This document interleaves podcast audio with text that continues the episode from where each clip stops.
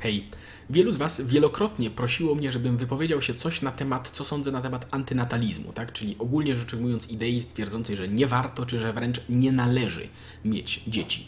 A więc dzisiaj się temu przyjrzymy, ale no nie ukrywam, że zrobię to generalnie w takiej formie, że będę chciał Was raczej przekonać do tego, że być może jednak warto mieć dzieci. I rozumiem, że nawet jeżeli ktoś się z tym nie zgadza, to być może znajdzie tutaj jakieś ciekawe spostrzeżenia z drugiej strony, także zachęcam do wysłuchania. A zatem, zacząć należy od tego, że dzieci są trudne. Naprawdę. I, I, jeśli sami nie macie dzieci, albo być może nie pamiętacie, jak były małe dzieci u was w waszej rodzinie, to być może nawet nie wiecie, jak bardzo wymagające są dzieci, zwłaszcza kiedy są one małe. Taki bardzo prosty przykład. Masz niemowlaka, którym się zajmujesz sam w danym momencie i musisz skorzystać z toalety. I wiecie, nie możesz go zostawić poza tą toaletą, ponieważ, nie wiem, zacznie wspinać się na meble, a zamknięcie się z nim w toaletą i postawienie go na podłodze też jest nie, nie takie proste, bo wejdzie ci do pralki. Więc musisz kombinować jakoś, żeby był przy tobie, nie nudził się i żebyś ty mógł, mogła skorzystać z toalety. Naprawdę bez wątpliwości jest to coś bardzo trudnego i niektórzy być może nawet nie do końca zdają sobie sprawy, jakie fascynujące sytuacje, jaką kreatywność musi to wzbudzać w ludziach. Co więcej, Jestem przekonany, że istnieje bardzo wiele bardzo dobrych powodów, żeby nie mieć dzieci. Być może ktoś jest naukowcem wybitnym, tak? A, I jest zaangażowany w pracę badawczą, która popycha myśl techniczną do przodu, tworzy y, nowatorskie rozwiązania, które ulepszą naszą cywilizację, nasze społeczeństwo, coś tam jeszcze. Albo może ktoś jest, może nie jest naukowcem, ale jest prezesem czy kierownikiem w firmie, i która jest zaangażowana, albo jest po prostu zaangażowany na, w całości w pracę, która produkuje albo świadczy usługi potrzebne ludziom i bez niego ten proces nie będzie działał tak dobrze. A może ktoś jest artystą, prawda, i tworzy wielkie dzieła, które pomagają ludziom dostrzegać piękno tego świata, czy cokolwiek takiego. Ogólnie, jeśli ktoś jest zaangażowany na całość w jakąś swoją karierę, w jakiejś wartościowej dziedzinie życia. Ja myślę, że to jest bardzo dobry powód y, uniemożliwiający posiadanie kolejnych elementów w swoim życiu, na przykład takich jak rodzina. I jeżeli ktoś chce to robić, właśnie na przykład mieć tego typu wartościową karierę, to ja zupełnie szczerze kibicuję, ponieważ tego typu rzeczy są dobre i potrzebne. Tylko też warto sobie zadać pytanie, czy czy na pewno ktoś czegoś takiego chce, ponieważ być może nie do końca wszyscy zdają sobie sprawę, że y, tak, tego typu zobowiązania angażują cię w całości, tak? To jest praca po 60 godzin w tygodniu czasem, prawda? Czasem, czasami nawet więcej. I to wygląda tak, że nie, nie masz tych dzieci ani rodziny, bo fizycznie nie masz czasu. I jeżeli ktoś naprawdę nie chce nie mieć na nic czasu, ponieważ jest w pełni zaangażowany w coś, dobrego i wartościowego, to spoko. Natomiast jednocześnie y, myślę, że warto tutaj taki komentarz poczynić, że ogromna większość ludzi, wbrew temu, co się czasem słyszy na rozmowach rekrutacyjnych, nie będzie miała kariery. Tak? Ogromna większość ludzi będzie miała pracę, czyli miejsce, do którego się chodzi, do którego byście nie chodzili, gdyby nie płacono wam za to. I wiecie, nie ma w tym nic złego i można bardzo lubić swoją pracę, ale prawdopodobnie większość z nas nie robiłaby tej rzeczy za darmo. Tak? To znaczy nie, nie, nie angażowałaby się w tym, w, to całym, w, ca, w tym całym sobą. Dlatego jeśli ktoś nie, ma, nie chce mieć dzieci, ponieważ jest na full zaangażowany w swoją karierę, całkowicie to rozumiem, ale jeżeli ktoś twierdzi, że nie może mieć dzieci, bo jest bardzo zaangażowany w siedzenie 8 godzin w korpo, tego nie do końca rozumiem, średnio to przynajmniej rozumiem.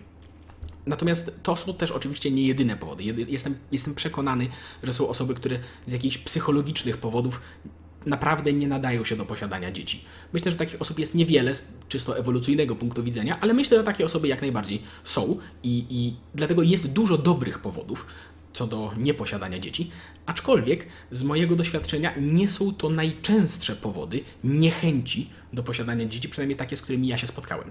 I w ogóle też zaznaczmy na początku, że często też się pojawia taki, takie hasło, że nie stać mnie na dzieci, ale to jest co innego, ponieważ to znaczy, że być może chciałbym, ale czuję, że nie mogę i to zostawimy na sam koniec. Natomiast z argumentów przytaczanych, że nie powinno się mieć dzieci, czy że ja nie powinienem mieć dzieci, że będę świecił przykładem tutaj, czy coś takiego, no, nie wiem, ja często słyszałem takie argumentacje w, w stylu człowiek niszczy środowisko, człowiek jest zły dla przyrody i tak dalej, większa ludzi jest zagrożeniem dla klimatu, dla, jeszcze dla innych ludzi przez to i tak dalej, więc nie będę się w to angażował, ponieważ lepiej, żeby nie było więcej ludzi na świecie. Ale z tym jest bardzo dużo problemów. Po pierwsze, nie będzie przeludnienia na świecie. Naprawdę analizy jednoznacznie wskazują, że ludzie, i też gdzieś zalinkuję mm, pod spodem do tego typu rzeczy, że ilość ludzi na świecie wymaksuje się na 11-12 miliardach i się ustabilizuje tam, a potem zacznie spadać. Nie będę wchodził w szczegóły, ale nie będzie tak, że liczba ludności będzie rosła w nieskończoność. To jest jedna kwestia. A druga kwestia to oczywiście prawda, że człowiek ma, że większa ilość ludzi ma silniejszy wpływ na środowisko, na zmiany klimatu, tym bardziej, prawda, i że to w dłuższej perspektywie jest szkodliwe dla nas samych, prawda, ponieważ już wiemy, że możemy sami sobie zrobić krzywdę niszcząc środowisko, bez wątpienia. Natomiast wydaje mi się, że jeśli przyjmujemy taką optykę, która oczywiście jest, no w sensie nie ma w niej nic złego, to warto sobie zadać pytanie, co będzie miało w dłuższej perspektywie lepszy wpływ na środowisko i na klimat na przykład brak dwójki kolejnych ludzi, czy ta dwójka kolejnych ludzi, ale świadomych tego problemu i promujących potrzebę dbania o przyrodę, nawet jako świecących przykładem na takiej zasadzie. No, wydaje mi się, że ewidentnie to drugie. I nie wiem, czy wiecie, ale dzieciom najłatwiej jest przekazać własne wartości i przekonania. Jasne, że nie zawsze, to nie jest tak, że zawsze to się udaje, ale bez wątpienia jest to łatwiejsze niż wpojenie tych przekonań innym ludziom, obcym zupełnie. I jest to tym prostsze, że tak powiem, jeżeli jest się wzorem dla nich, jeżeli samemu wdrażasz w życie te wartości i te przekonania. Ta, ta nieumiejętność przekonania swoi, przekazania swoich wartości dzieciom, mam wrażenie, że zazwyczaj wynika z tego, że samemu się, że próbuje się im wpoić coś, względem czego samemu się nie żyje. Także coś, czego samego, samemu nie przestrzegamy i dzieci patrząc na nas widzą naszą hipokryzję po prostu, że mówimy o czymś, ale tego nie wdrażamy w życie, natomiast gdy naprawdę też świecimy tym przykładem, naprawdę wydaje mi się, że to nie jest, nie jest y, trudne wpoić to dzieciom. Dlatego też z całym szacunkiem, ale uważam tego typu argumentację taką środowiskową za kompletnie bezpodstawną i Pomyślcie zresztą nawet, jak to historycznie wyglądało w, środowiskach właśnie aktywistycznych, na przykład y, religii mniejszościowych, tak? Religie mniejszościowe w danym kraju, na przykład katolicy w Stanach Zjednoczonych, albo protestanci w Polsce, czy nawet jacyś świadkowie Jehowy i tego typu rzeczy, zawsze mają dużo dzieci. I to nie, to nie bierze się z tego, że koniecznie religia każe im mieć dużo dzieci, czy coś takiego. Znaczy, to po, przez proxy również to, ale ci ludzie rozumieją, że jeżeli wyznają jakąś ideę i uważają ją za dobrą dla świata, dla ludzi, to trzeba tę ideę promować. I posiadanie dużej ilości dzieci, które same później będą też promować tę ideę, jest po prostu jednym z najskuteczniejszych sposobów na robienie tego. I ponownie, poprzez historię mam wrażenie, że wszystkie grupy ideowe, które chciały promować jakąś ideę w społeczeństwie, doskonale to rozumiały. Natomiast, nie wiem, ekologiści, weganie i tak dalej Mam wrażenie, że popełniają tutaj podstawowy błąd na tym polu, że stwierdzają, że nie będą korzystać z najskuteczniejszego sposobu przekazywania tych idei kolejnym ludziom, bo nie wiem dlaczego. Znaczy podejrzewam, ale może nie będę tu o tym mówił. I kolejno, też to, co teraz powiem, to jest oczywiście tylko subiektywne własne doświadczenie, ale przyznam, że chyba nie znam żadnego przypadku, w którym ktoś chciał mieć dzieci, ale taka argumentacja prośrodowiskowa go przekonała, żeby jednak nie chciał mieć dzieci. Za to znam dużo przypadków ludzi, którzy nie chcieli mieć dzieci i po poznaniu tych argumentów bardzo chętnie przyjmowali, ponieważ tylko, że wtedy to nie, nie działa dla nich jako argument, tylko jako łatwe usprawiedliwienie, że a, tak, tak, tak naprawdę to nie chcę mieć dzieci z tego ważnego powodu, chociaż tak naprawdę wcześniej już ich nie chciałem. I podobnie tak naprawdę mam wrażenie, sprawa się ma w kwestii argumentów, że życie jest cierpieniem, życie jest złe, świat jest przerażający, nie chcę sprowadzać kolejnego biednego istnienia na ten świat, bo ten świat jest taki zły. I czy każde życie jest wiecznym, nieskończonym cierpieniem i nie warto żyć? Chyba nie. To znaczy, wszyscy ludzie, którzy jednak wybierają, żeby żyć dalej, podczas gdy tak naprawdę nie ma obowiązku, mam wrażenie, że potwierdzają, że nawet ich zdaniem w tym, że w tym życiu jednak jest coś wartościowego, dla którego warto by się trzymać. Natomiast jeżeli ktoś to ujmuje w sposób taki, że w świecie jest bardzo wiele zła, że ogólnie świat jest strasznym miejscem i tak dalej, no to bez wątpienia jest w tym wiele prawdy, ale ponownie być może warto się zastanowić, ile takiego niepotrzebnego cierpienia, którego na świecie jest bez wątpienia wiele, dałoby się usunąć albo zapobiec mu, wypuszczając na świat dobrych ludzi, którzy mogliby temu przeciwdziałać. I naprawdę można się czasem zdziwić, ile jedna osoba może dobrego zdziałać, nawet dobrym przykładem po prostu. Także ponownie, jeżeli motywacją jest zmniejszenie ilości cierpienia na świecie, to kompletnie nie kupuję idei, że wypuszczanie kolejnych ludzi temu zapobiega. Wydaje mi się, że to lepszym znacznie sposobem byłoby właśnie wypuszczanie na świat nowych ludzi, którzy będą o ten lepszy świat walczyć, prawda, że ten świat leczyć i tak dalej, ale także... I wiecie, ja osobiście wierzę, że to się da zrobić, naprawdę. I ponownie Przyznam, że chyba nie znam żadnego przypadku, w którym ktoś chciał mieć dzieci, ale taka argumentacja go przekonała, żeby nie mieć, a raczej kojarzę przypadki, gdzie było to usprawiedliwione. Aczkolwiek, oczywiście, poza takimi górnolotnymi, jakimiś, nie wiem, ideowymi, ideologicznymi hasłami, y, powodami, jest oczywiście masa powodów zupełnie bardziej prozaicznych, które też y, są niepomijalne. Na przykład takie zupełnie zwykłe, jak nie mam ochoty mieć dzieci, bo to będzie niewygodne, bo to zaburzy mój styl życia, jest mi dobrze tak jak jest, po co mam brać ten dodatkowy wysiłek na siebie? I to są, dla jasności, zupełnie zrozumiałe pytania i zupełnie nie dziwi mnie absolutnie, że zwłaszcza ludzie młodzi miewają taką perspektywę i nie ma, nie ma nic złego w tym, że komuś się pojawiają takie pytania czy wątpliwości, to jest myślę, że zupełnie naturalne. I tak, mam wrażenie, być może błędne, ale mam wrażenie, że wiele osób właśnie wyrażając tego typu, tego typu obawy, podchodzi do tego, y, podchodząc na zasadzie, po co mi to, co mi to da, to jest podejście y, indywidualistyczne. I w tym podejściu brakuje pewnej bardzo ważnej rzeczy, ale do tego wrócimy jeszcze na koniec i spróbuję w pierwszej kolejności odpowiedzieć właśnie na to. Więc tak, z kobiecej perspektywy, ja oczywiście kobiecej perspektywy nie mam, ale znam kilka kobiet w moim życiu, być może nawet trochę więcej i myślę, że mogę coś powiedzieć na podstawie obserwacji tego. Natomiast jeżeli, nie wiem, mam tu złą perspektywę, ponieważ jest to osoba, perspektywa jednak z zewnątrz, to proszę mnie poprawić w komentarzach. Ale Mając te 19-20 lat, kiedy ja byłem młodszy niż teraz, to wśród moich rówieśniczek znałem bardzo dużo osób, kobiet, które głośno oznajmiały, że nigdy nie będą miały dzieci, że nigdy nie będą chciały mieć dzieci. Teraz mam 31 lat i znam bardzo, bardzo mało kobiet w moim wieku, które nadal twierdzą, że nie chcą nigdy mieć dzieci. I to są w dużej mierze te same osoby, które kiedyś zarzekały się, że nigdy nie będą chciały, a teraz albo stwierdziły, że jednak będą chciały i mają, albo stwierdziły, że chcą, ale już jest z tym jakiś problem. I to nie jest tak, że one były wtedy nieszczere czy coś takiego. Nie sądzę, absolutnie. Ale zmieniamy się z wiekiem, z czego być może nie wszyscy zdają sobie sprawę, że z wiekiem możemy mieć inne cele w życiu, a nie biorąc tego pod uwagę wcześniej w swoim życiu, można czasem popsuć sobie coś dla swojego własnego przyszłego ja. Ja znam takie niestety przypadki osób, które na przykład po 10 latach używania antykoncepcji hormonalnej, no niestety mają problem, bo nie sądziły, że kiedykolwiek będą chciały jednak mieć dzieci, a okazało się, że że będą. I oczywiście są kobiety, które mają bardzo małą albo żadną potrzebę macierzyństwa, ale chyba nie będzie przesadą, jeśli powiem, że takich osób jest raczej niewiele. I ponownie mam wrażenie, że wiele osób, które będąc młodym jest przekonanym, że one są właśnie taką osobą z takiej pewnej mniejszości, ostatecznie się myli na temat samych siebie. Takie mam wrażenie. Natomiast z męskiej perspektywy, to na tyle, na ile znam mężczyzn, to mam wrażenie, że posiadamy coś takiego jak potrzeba szacunku, jak potrzeba poczucia, że jest się potrzebnym. To są takie rzeczy, które gdy są spełniane, to w jakiś sposób się w tym odnajdujemy, że źle reagujemy, gdy ktoś się odnosi do nas bez szacunku. Tak? Źle jest, gdy czujemy, że to, co robimy, nie ma sensu, że jesteśmy niepotrzebni i tak dalej. Raczej te poczucia zaspokajają w nas jakiś taki indywidualny, indywidualną potrzebę.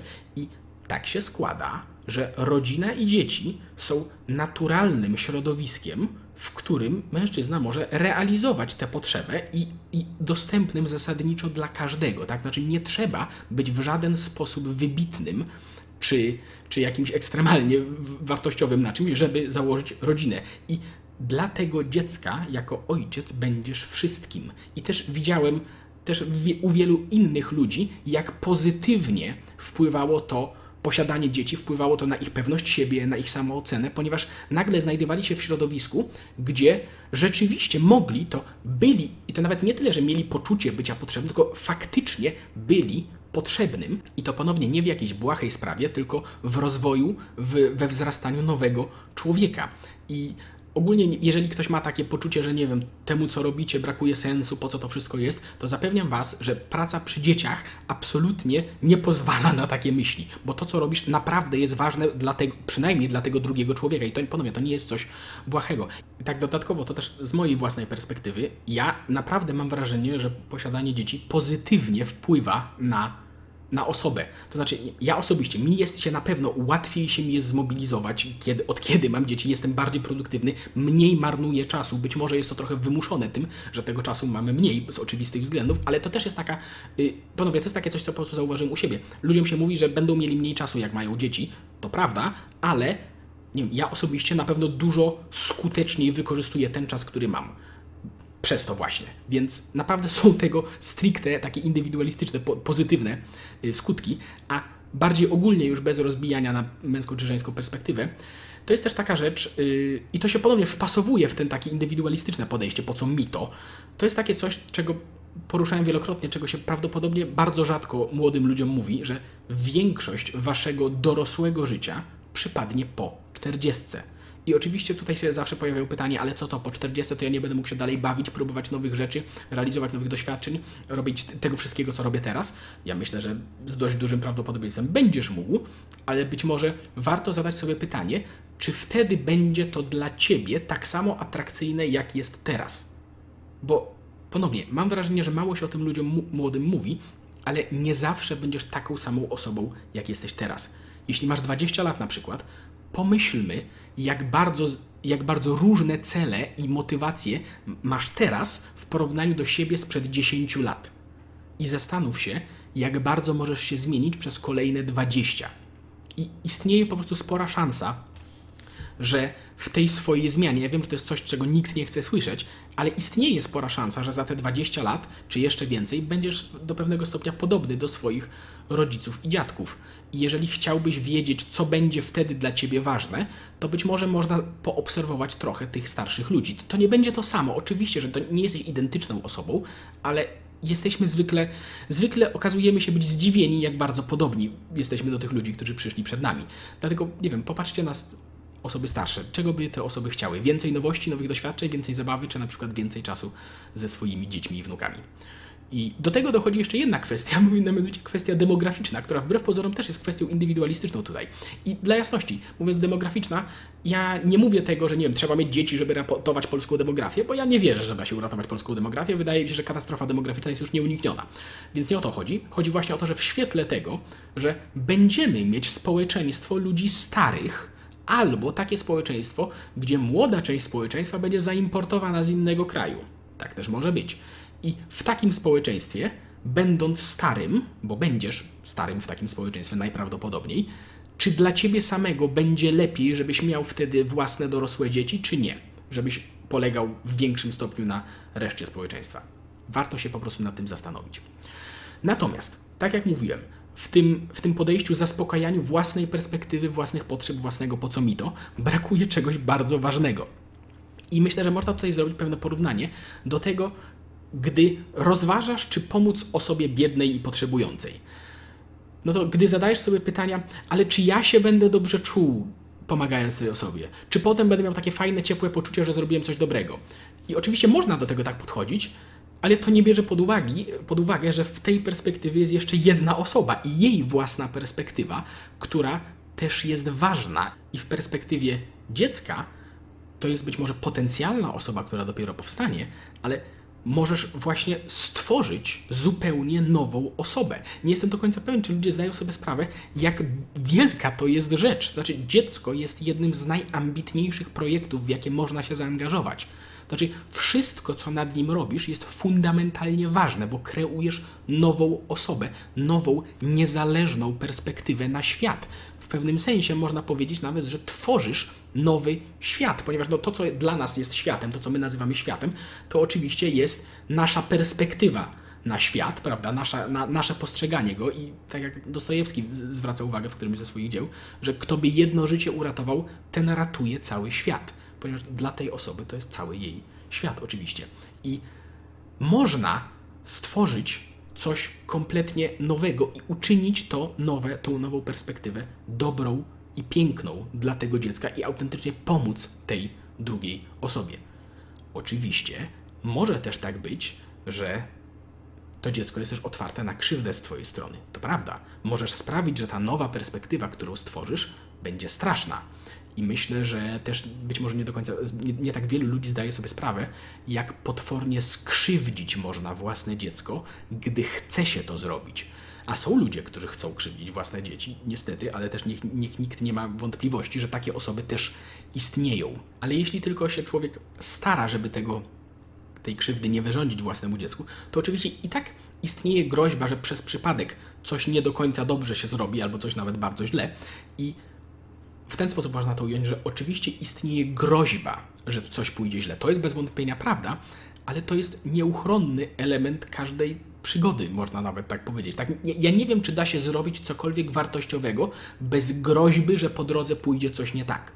Każda, ponownie, przygoda, można tak to ująć, i to jest taka przygoda, na którą każdy może pójść tak naprawdę, a jednocześnie nie jest błaha, pomimo, ponieważ pomimo iż istnieje groźba, że może się na niej stać, wydarzyć coś złego, to istnieje też szansa, że stanie się coś absolutnie pięknego na niej i to, w jaki sposób się to potoczy, w ogromnej większości zależy od ciebie. Oczywiście są też inne czynniki, ale w ogromnej części to zależy od tego, jak ty będziesz się na tej przygodzie zachowywał.